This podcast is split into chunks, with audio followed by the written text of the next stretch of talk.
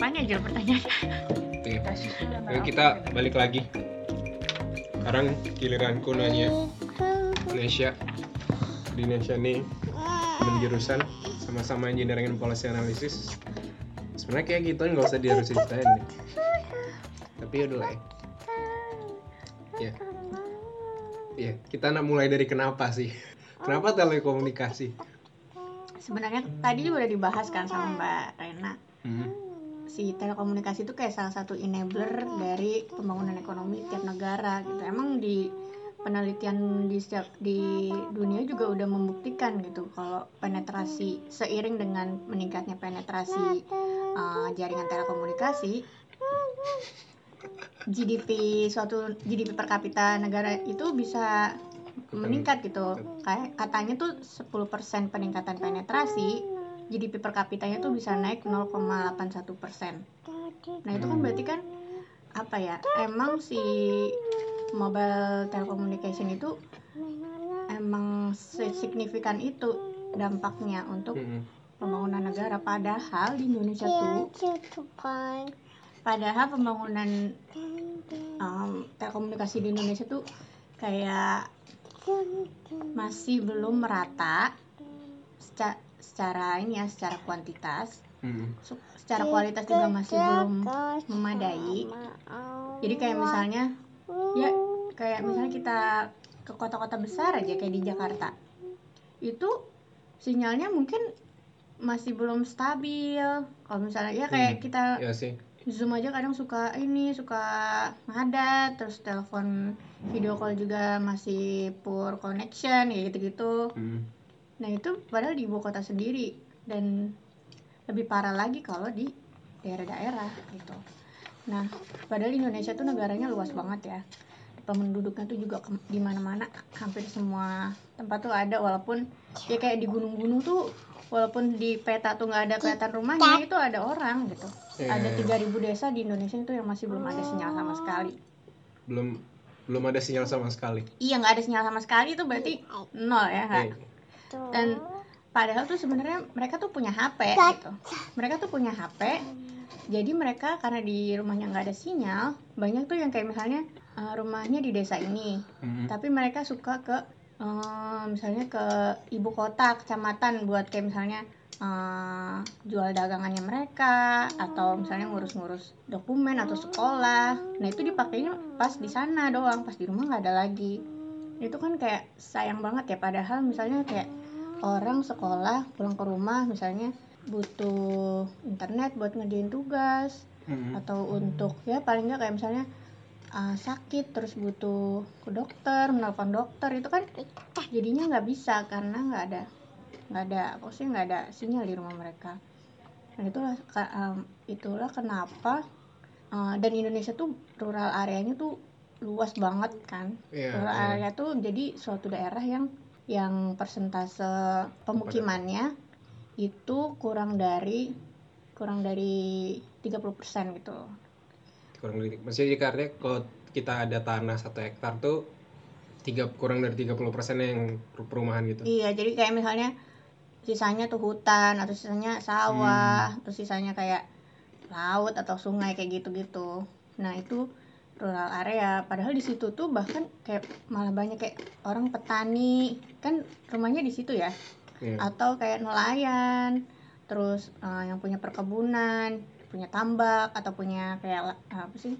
peternakan misalnya peternakan lele dan lain-lain itu ya, mereka tempat tinggalnya di sana gitu nah itu itu itu padahal kayak potensi kita tuh untuk kalau misalnya kita bisa bisa meraih gitu 100% coverage itu kayak efeknya tuh mungkin ya pokoknya bagus lah dari segi human developmentnya juga meningkat ekonominya Iya. juga ekonomi kita juga jadi bisa meningkat gitu Dekat.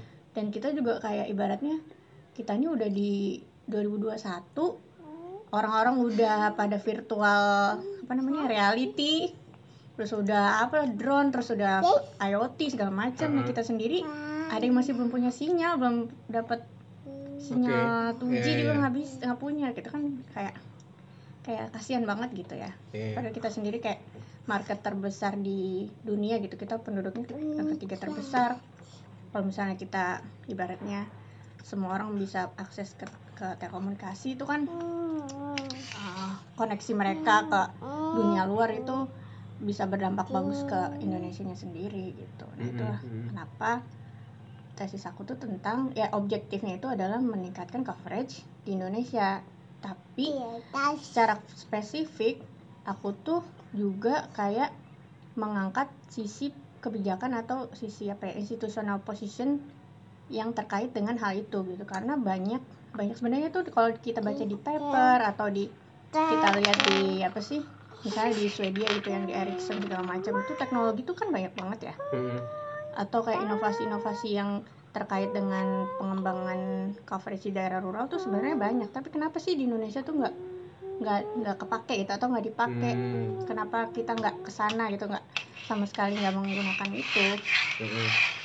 nah eh, ternyata salah satu penyebabnya itu yaitu karena karena kebentur regulasi kebentur kayak kultur institutional framework yang yang mana itu kayak ya pokoknya ada konflik interest um, between uh, sektor, between aktor, politik dan segala macam. Jadi aku pengen melihat apa sih uh, dari sisi apa sih pemerintah itu bisa melakukan apa untuk untuk ini. Karena pemerintah itu kan salah satu uh, pihak yang key actornya gitu loh. Nggak ada gunanya kayak eh, maksudnya kayak sekarang kita udah punya misalnya punya punya opsi teknologi A. Terus ternyata itu nggak nggak bisa dipakai di Indonesia karena teknologi A itu nggak sejalan dengan regulasi yang ada gitu. Oke. jadi nggak bisa dipakai nih karena ini regulasinya kayak gini gitu. Iya. ya pokoknya gitulah. Jadi salah satunya tuh kayak gitu. Penye- eh, jadi mau tahu gimana caranya biar eh, antara antara teknologi regulasi dan si institusi itu bisa saling berkolaborasi untuk mencapai eh, untuk menyelesaikan permasalahan ini gitu. Oleh komunikasi itu. Mm-mm. Terus, terus kayak artinya jawabannya gimana tuh? Apakah si regulasinya diganti? Eh, Nah, sama juga kayak tadi aku bilang kan, jadi sebenarnya kunci permasalahan kita tuh adalah kita harus berkolaborasi. mm-mm. Nah, jadi tuh kalau yang aku lihat eh, sekarang itu pemerintah itu kayak jarang banget mm, ke arah eh, riset gitu. Jadi kayak misalnya oh di lit- di literatur tuh banyak loh solusi-solusi dan itu pemerintah tuh kayak kalau misalnya kita ada permasalahan oh mau ini nih mau bangun apa me- mau, menyebar me- mendistribusikan jaringan ke target eh, misalnya seluruh Indonesia Heeh. itu tuh kayak kayak harusnya kalau yang aku priba- aku berdasarkan studi aku Mm-mm. itu tuh harusnya mereka melihat dari literatur dulu atau paling enggak mereka berkoordinasi dengan akademisi atau em, konsultan ya Heeh. untuk melihat oh ini kalau kalau kayak gini baiknya kayak gini nih solusinya nih jangan main kayak Pasang BTS di mana-mana gitu ya. eh, ya pokoknya jangan buru-buru gitu jangan buru-buru terus juga kalau misalnya eh, mau merumuskan solusi itu juga harus juga berkolaborasi sama si berbagai pihak baik itu bisnis maupun kayak si teknologinya Mm. kayak misalnya vendor teknologinya terus uh, operatornya terus juga kalau misalnya ada terkait dengan regulasi harus berkoordinasi antar pembuat regulasi kayak antar kementerian terus juga kayak antar kayak misalnya kan kalau telekomunikasi juga harus butuh listrik nah itu juga Iya. harus berkoordinasi sama penyedia listrik. Nih soalnya banyak banget. Uh, daerah-daerah tuh yang nggak nggak kebangun karena di situ nggak ada listrik juga gitu. Jadi kan Oke. eh, gimana mau mau bangun soalnya nggak ada listrik? Eh, ya udah nunggu listrik dulu. Akhirnya sampai sekarang nggak ada nggak bangun-bangun karena nggak ada listrik kayak gitu gitulah. Terus juga kan ada juga yang karena hambatannya karena oh, nggak bisa bangun soalnya nggak bisa bawa ah, peralatan ke situ karena nggak ada jalan jalan buat mobil harus cuma bisa lewat jalan setapak harus Iya iya. harus naik perahu perahu apa perahu getek yang kayak gitu kayak naiknya cuma bisa lewat sungai doang kayak gitu gitu kendalanya aja. Harusnya kan apa ya oh ini eh, daerah ini butuh nih. Gimana uh, gimana kita kalau kita berkoordinasi antar. Misalnya kayak penyedia jalan penyedia listrik terus penyedia telekomunikasi saling berembuk. Terus nah ini solusinya kayak gini kayak gitu loh. Jadi Hmm. solusinya eh, kemarin tuh salah satu yang aku propose itu adalah ya kolaborasi antar pihak yang terkait gitu. Kayak kayak meningkatkan kolaborasi itulah. Terus juga untuk eh, setiap merumuskan apa solusi tuh harus ada pertimbangan regulasi juga gitu. Jangan cuma kayak oh ini eh, pakai teknologi ini nih gitu. Padahal kenyataannya si teknologi itu eh, juga ada const- constraint di regulasinya gitu. Jadi regulasinya harus diganti dulu atau di amandemen Hmm. atau dia apa di di di adjust gitu. Nah itu. Con- contoh kayak artinya kan regulasi ini kayak artinya kayak sedi ada ada beberapa yang mungkin pasalnya menghambat atau apa gitu. Mm-mm. contohnya kayak apa kira-kira? Nah, jadi tuh ada eh, salah satu teknologi yang namanya UAV. UAV itu eh, unmanned aerial vehicles. Jadi kayak oh oke kayak eh, BTS tapi yang diterbangin gitu Hmm. either with drones atau kayak balon udara atau kayak kayak balon yang kayak balon iklan yang helium Oh, gitu. iya, iya. Nah, itu kan sebenarnya kalau kalau dari sisi benefit itu banyak ya. Jadi karena karena itu uh, diterbangin jadi nggak perlu uh, ngediriin tiang Si tiang tower gitu, gitu iya. kan. Jadi kan nggak perlu bawa alat berat, nggak perlu nggak perlu maksudnya nggak perlu nyediain tanah lah segala macam, nggak Hmm. perlu nganuin lahan.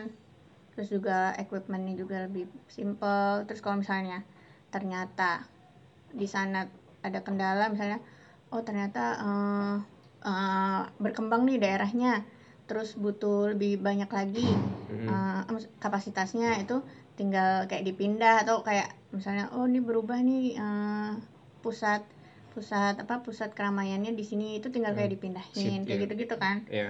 nah tapi ternyata itu kebentuk regulasi di sisi penerbangan gitu misalnya Ah, jadi harus aman sekian terus juga ada uh, concern kayak keamanan data kayak gitu-gitu. Jadi kayak iya, iya. ya pokoknya gitulah.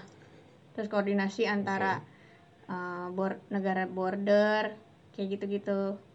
Jadi katanya ada concern oh, kalau misalnya pakai yang terbang-terbang gitu nanti uh, bisa ini dong bisa nyadap uh, Negara negara sekitar kayak gitu gitulah ya begitu.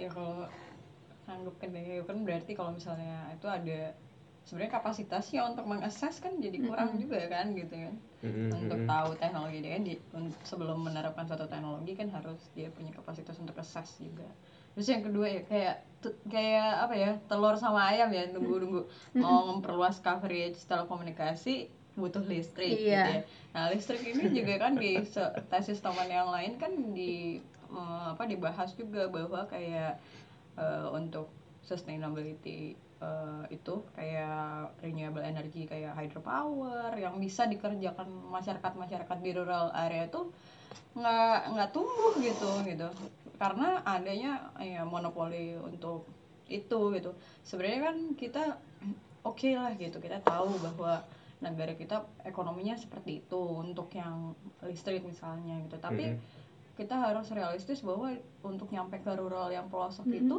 emang nggak bisa misalnya jangkauannya atau terlalu besar biaya investasi Mm-mm, untuk satu eh, apa lembaga eh, perusahaan yang milik pemerintah untuk membangun di sana investasinya terlalu besar gitu Heeh. ya udah diserahin aja sama pihak swasta untuk Mm-mm. yang kecil-kecil tadi yang di rural gitu untuk mereka bisa bikin energi mereka sendiri akhirnya kan jadi bisa listrik tersedia dan juga ngebantu support untuk telekomunikasinya gitu jadi kayak berkaitan semuanya gitu Iya. Hmm.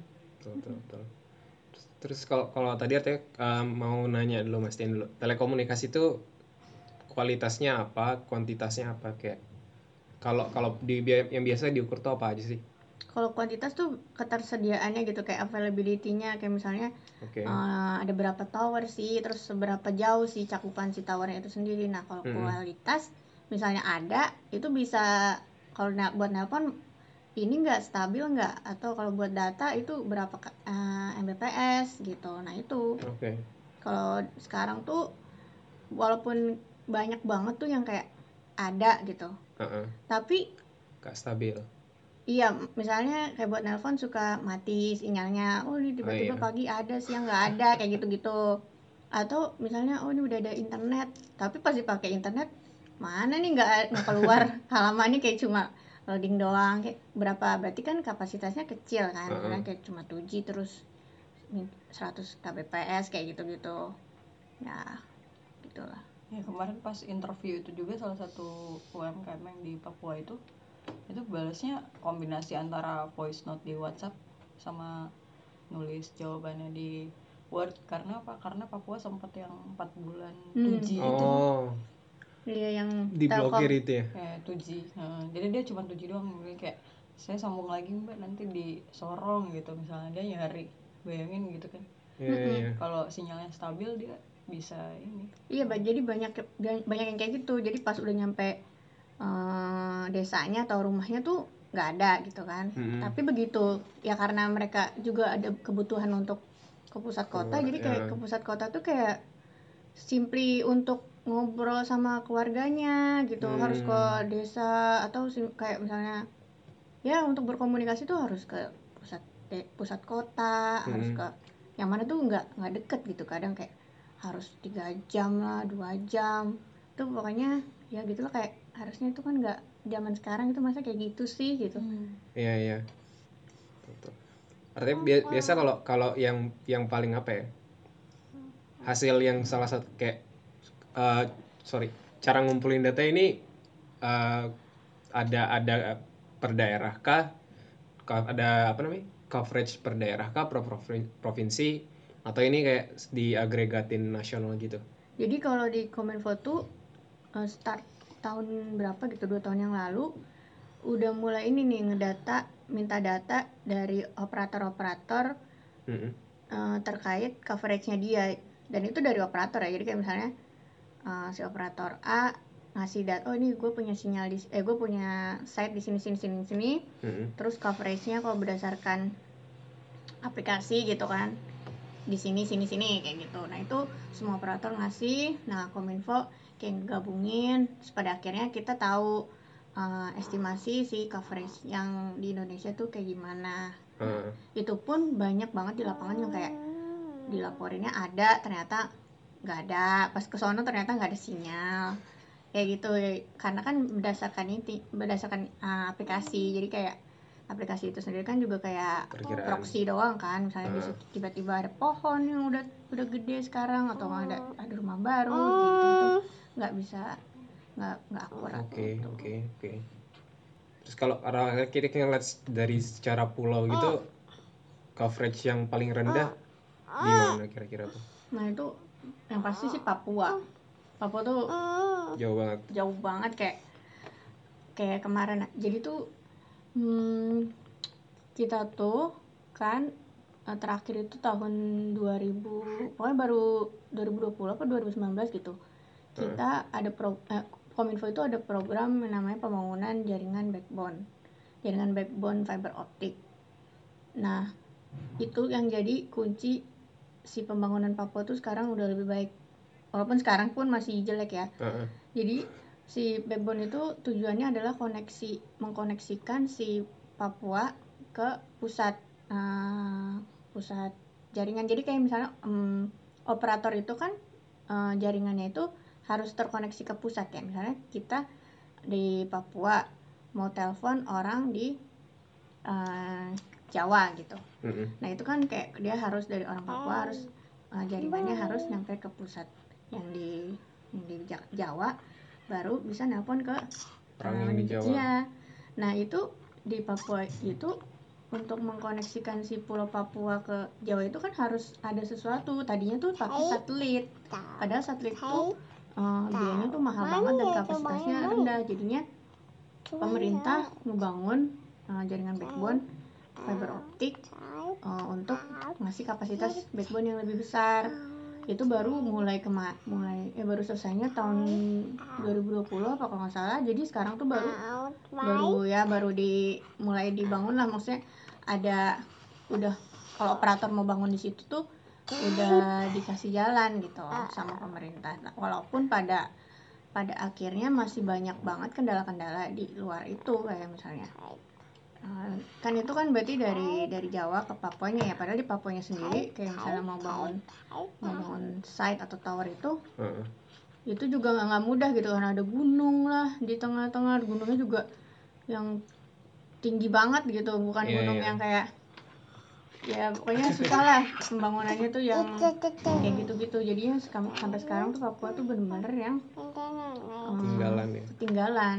Dan di samping itu juga penduduknya kan juga nggak banyak. Jadi kalau operator mau bangun tuh juga dia mikirin ini investasi segini nih balik modalnya kapan? gitu. Hmm, kalau misalnya hmm. penduduknya sedikit ya nggak masuk gitu kan. Ya nggak mau lah mereka bangun di situ.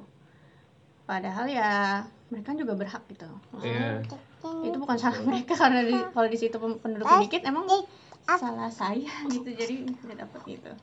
Harusnya apa gitu. Itulah harusnya pemerintah di situ ya role-nya di situ Heeh. Tadi kalau Artek kalau kalau di tesis ini tadi kan ngedaftarin semua solusi yang ada nih. Mm-mm. Solusi yang paling visible di Indonesia yang sementara ada itu apa gitu. Kalau misalkan kayak yang bisa kita lihat lima tahun ke depan mungkin. Mm. nah kalau yang jadi sebenarnya tuh solusinya tuh uh, apa ya jadi untuk sam- sekarang itu secara konvensional eh, pemerintah maupun pemerintah maupun operator tuh dalam menangani daerah yang kayak Papua gitu kayak ada defaultnya. Itu kayak pakai satu antena yang tinggi yang eh, coveragenya gede gitu. Tapi eh, si kayak si tipe solusi seperti itu Mm-mm. itu nggak sustainable gitu. karena pertama modalnya besar. Terus yang Iya. kedua kualitas yang dihasilkan juga uh, rendah gitu maksudnya. Oke. uh, misalnya karena ya pokoknya secara teknis kalau misalnya mau menyediakan coverage yang besar itu pasti kapasitasnya kecil. Jadi kalau misalnya um, 5G misalnya ada site yang 5G itu pasti kayak coveragenya itu cuma kayak 100 meter atau 50 meter kalau misalnya 2G Heeh. itu bisa kayak 15 kilo kayak gitu jadi Oh, oke. ada kons ada apa sih trade off antara kita mau pilih yang mana nih mau yang lebih biar bisa cakupannya luas apa Hmm. yang kapasitasnya besar nah banyak kan karena yang memikirkan profit itu uh, operator tuh milihnya yang yang kayak satu site yang kapasitasnya uh, ininya besar kalau coveragenya Heeh. jadi jadi secara kualitas kecil kayak rendah nah terus nah itu defaultnya tapi juga kayak gitu model kayak gitu itu butuh listriknya gede terus juga bawa Oke. harus bawa alat berat kan karena harus tiangnya harus tinggi Heeh, heeh. nah Betul. jadi pada akhirnya kalau misalnya daerah tersebut belum ada listrik belum ada jalan jalan sananya. nggak kebangun karena pasti "Oh, ini nggak bisa gitu udah nggak bisa jadi udah mentok gitu Heeh. Nah, dalam di dalam literatur itu kalau yang kemarin aku eh, di pro- aku propose itu ada namanya teknologi femtocell. Femtocell itu kayak eh, antena cuma segede eh, modem wifi. Tapi eh, coveragenya bisa kayak 2 km. Nah, tapi itu sebenarnya sebenarnya sampai eh, saat ini tuh udah ada yang pakai. Tapi dipakainya untuk kayak untuk eh, cuma untuk nutup eh, blank spot doang di kota-kota. Jadi misalnya Oke. antar gedung ini terus ketutupan sesuatu, ah, udah di di itu Taruh modemnya di itu. tambal kita pakai itu. Nah jadi dan di literatur tuh udah ada yang propose itu. Nah sebenarnya kita kalau misalnya udah eh, punya informasi itu kan harusnya oh ternyata bisa tuh pakai femtocell gitu Heeh. uh, pakai gitu tapi karena kita nggak terbiasa untuk misalnya kayak mencari jawaban atau mencari solusi di literatur itu tuh jadi missing kayak nggak nggak nggak tahu gitu nggak dipertimbangkan bahkan ya. iya jadi kayak mereka simply nggak ke sana karena nggak tahu gitu, bahwa ada solusi yang mudah kayak gitu nah terus juga si femtocell itu karena dia kecil wattnya tuh butuhnya rendah jadi kayak listrik pakai solar panel sekian satu satu gini dong satu apa sih namanya satu satu sel. itu bisa gitu. Terus juga karena alatnya kecil nggak bawa bawanya juga nggak ribet bisa bawa. Ya intinya kalau nggak ada jalan yang jalan aspal pun nggak apa-apa gitu. Heeh. Nah, itu. Masih. terus juga ditambah sama eh, nah kalau sekarang itu si pemerintah itu kan sebenarnya udah ada eh, badan yang kayak eh, ber bertanggung jawab terhadap pembangunan daerah rural Mhm. tapi ruralnya itu sendiri didefinisikan secara rigid hanya daerah tertinggal, terluar, terdepan, 3T. Yang 3T. Heeh, dan sedangkan tuh kategorisasi itu kan per provinsi ya. Heeh. Jadi sebenarnya banyak banget kayak di daerah di provinsi, misalnya provinsi Riau gitu. Itu masih banyak loh daerah yang yang yang nggak ada sinyal sih. Tapi nggak nggak bisa di cover sama pemerintah karena si provinsi Riau itu bukan 3T gitu. Ya. Padahal harusnya jangan per provinsi dong, harusnya dilihat per village atau per kecamatan kayak gitu. Heeh. Dan Indonesia tuh kayak dalam satu provinsi tuh kondisinya bisa bisa Kreatif ya. iya 180 derajat, ada yang benar-benar kayak di balik bukit, ada yang benar-benar kayak di dekat airport. Jadi kan jadi si itu si daerah-daerah tersebut tuh nggak nggak tercover uh, intervensi pemerintah simply karena regulasi itu gitu dan Hmm. pemerintah juga ya kayak gitu tadi kayak ya kita skop kerjanya kayak gini gitu kita Hmm. nggak bisa sana Keluar. karena kita regulasinya kayak gini gitu padahal kan ya harusnya untuk Indonesia gitu kan harusnya di di apa karena ada kebutuhan Mhm. harusnya diubah gitu nah itu dia jadi kayak gitu nah salah satu yang aku propose juga adalah perubahan sih regulasi kayak gitu nah Iya terus sih, ya sih. itulah Nah, nanya dong. Jadi dari riset gue ya, eh, gini nggak sih? Kalau di Indonesia tuh sebenarnya sa- antara satu daerah, eh, jadi maksudnya penerapan telekomunikasi itu eh, peningkatan coveragenya harus based on eh, geographical characteristic gitu nggak sih? Maksudnya mungkin kayak di Sumatera pendekatannya tuh beda sama yang di Papua gitu. Kayak tadi kan yang daerah perbukitan gitu kan tapi kayak eh, apa jadi nggak bisa sama gitu. Nggak bisa sama teknologi yang diterapin di area terpencil. Tapi di Sumatera kan mungkin lebih kayak nggak terlalu challenging dibandingin yang Papua misalnya gitu. Nah iya jadi sebenarnya iya kayak gitu. Cuma ini nggak yang per ya, per per Riau kayak gini. Enggak sebenarnya tuh di Indonesia tuh kayak eh, kan aku basisnya itu aku ngambil representasinya village ya Hmm. Jadi aku anggap si village A ini juga ada di provinsi lain yang ya pokoknya kondisinya similar tuh village inilah. Terus Oke, ada oke. village B yang kayak gini itu juga representatif dengan uh, ter- uh, terhadap village di daerah lain yang kayak gitu. Uh-uh. Jadi uh, emang bener jadi di Indonesia tuh kondisi daerahnya tuh variatif gitu. Dan aku juga aku propose kalau daerahnya kayak gini kon- uh, solusinya yang ini nih. Kalau Hmm. yang daerahnya kayak gini solusinya yang ini. Kalau daerahnya ini solusinya yang ini kayak gitu. Oke. jadi ya itu tadi. Jadi harusnya kalau misalnya melihat sesuatu permasalahan itu eh, kalau sekarang tuh cenderungnya kayak "Ini solusinya kayak tadi yang konvensional itu. Kalau nggak bisa ya udah nggak bisa gitu. Nggak dikasih coverage sama sekali nunggu keajaiban ada ada listrik di sono atau tiba-tiba gimana gitu kan ya.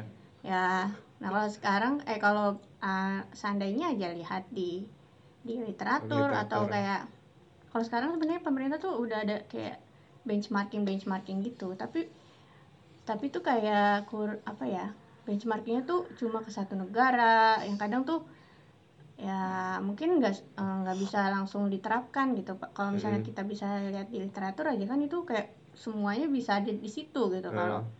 kalau mau lihat negara A itu ada yang kayak misalnya kondisi kayak gini terus kalau negara B kondisinya kayak gini jadi kita sendiri bisa lebih luas nggak perlu benchmarking udah bisa dapat informasi yang mungkin bisa sama gitu Iya. daripada kita benchmarking. Tapi kalau kalau secara umum berarti kita di des- desa kita yang ada di Indonesia tuh ada berapa kategorinya tuh tadi? kalau kategori sih sebenarnya aku tuh kemarin bikinnya gini Eh, jadi key factor terhadap yang terkait dengan pembangunan jaringan itu ada pertama listrik Mm-mm. jalan terus tipe topografi jumlah populasi Nah, empat itu. Oh, Oke. Jadi kalau misalnya tipe topografinya kalau tipe topografinya uh, perbukitan kayak gini, kalau tipe Iya. topografinya dataran kayak gini, kalau luas penduduknya uh, eh kalau jumlah penduduknya sekian tuh kalau jumlah penduduknya sekian yang ini gitu. Sebenarnya ada banyak sih ya itu cuma uh, kombinasinya kemarin kita ngambil ah, aku ngambil tiga yang satu yang yang nggak ada listrik tapi penduduknya sekian ya kayak gitulah hmm, hmm, hmm. jadi kombinasi antara itu Berarti kayak secara umum eh maksudnya kayak kebayangnya kayak ada kayak udah ada handbook ya sekarang artinya. Mm-mm. jadi kalau misalnya uh, ada kita ngeliat desa nih oh kondisinya udah ada listrik tapi nggak ada nggak ada jalan Heeh. itu apa sih pilihannya solusinya gitu nah ini ini ini ini kalau misalnya ada kondisi yang lain misalnya ada listrik eh, nggak ada listrik terus nggak ada jalan terus nggak ada penduduknya dikit nah ini ini ini, ini kayak gitu Keren keren keren. Jam. Wah oke. Waktunya sudah mendekati akhir. Jadi ya itu pertanyaan terakhir mungkin. Kata minta kata penutup kayak mungkin ada ada nggak sih hal-hal yang ditemuin selama penelitian tapi nggak bisa ditulis gitu di dalam tesisnya. Apa ya sebenarnya sih banyak ya kalau Banyak nggak sih? kalau aku lihat itu permasalahan Indonesia tuh kayak kompleks gitu jadi misalnya kita mau menyelesaikan suatu masalah itu kemungkinan ada lagi permasalahan yang, Yang menghambat lagi. terkait ya atau misalnya mau menyelesaikan suatu uh, permasalahan A kita harus menyelesaikan masalah B dulu nih eh Hmm. ternyata masalah B ke A lagi terus kayak gitu gitulah jadi uh, apa ya kalau menurut aku sendiri peran pemerintah itu kalau bisa uh, sekarang itu kayak sumber daya sumber daya manusia di pemerintahan itu harus lebih ditingkatkan gitu. Heeh. karena pemerintah itu perannya krusial banget gitu karena regulasi itu yang apa ya regulasi itu enabler gitu. Nggak ada bakalan sulit kalau misalnya bisnis tuh maju terus teknologi advance kalau ternyata ujungnya mentok uh, regulasi gitu Oke. jadi si regulasi regulatori maupun policy maker itu juga harus harus uh, kompeten dan paham apa yang dia regulasikan dan juga uh, apa yang masyarakat butuhkan gitu. Nah, nah itu dia jadi dan di satu sisi kita sendiri juga sebagai uh, apa negara berkembang juga terbatas kan. Iya. Terus juga uh, si pemerintahnya sendiri image-nya tuh s- sekarang tuh kayak kayak jelek banget kan. Iya, oke. Jadi ya. kita tuh Oke. uh, menurut aku pribadi butuh kayak gebrakan uh, yang mana si pemerintahan itu sendiri bisa mengajak orang-orang yang yang Kompeten. kompeten untuk involve di dalam pemerintahan. Nah itu, Sa- kalau menurut aku key factornya di situ. I see, I see. Jadi uh, bukan bukan berarti kita nggak punya sumber daya yang kompeten ya. Cuma uh, sumber kompeten itu rata-rata nggak mau ma- Oke. jadi masuk di pemerintahan. Ya karena image itu cuma mungkin pada suatu saat setelah ada gebrakan itu entah itu, Mm-mm. itu apa makin banyak yang mau. Nah, kalau itu udah terjadi ya insya Allah ya akan lebih baik lah si regulasinya. Ya jadi ayo jadi ASN. Tuh, tiba-tiba ini. yes. Thank you Nes, thank you Mbak Rena. ya Insightful sekali hari ini. ya, semoga kembali juga bisa bisa adalah Mm-mm. Bisa Kalian mau ini nggak promosi Twitter, Instagram, media sosial atau apa? Nggak usah. ya? podcastnya di mana Ju Nanti aku juga belum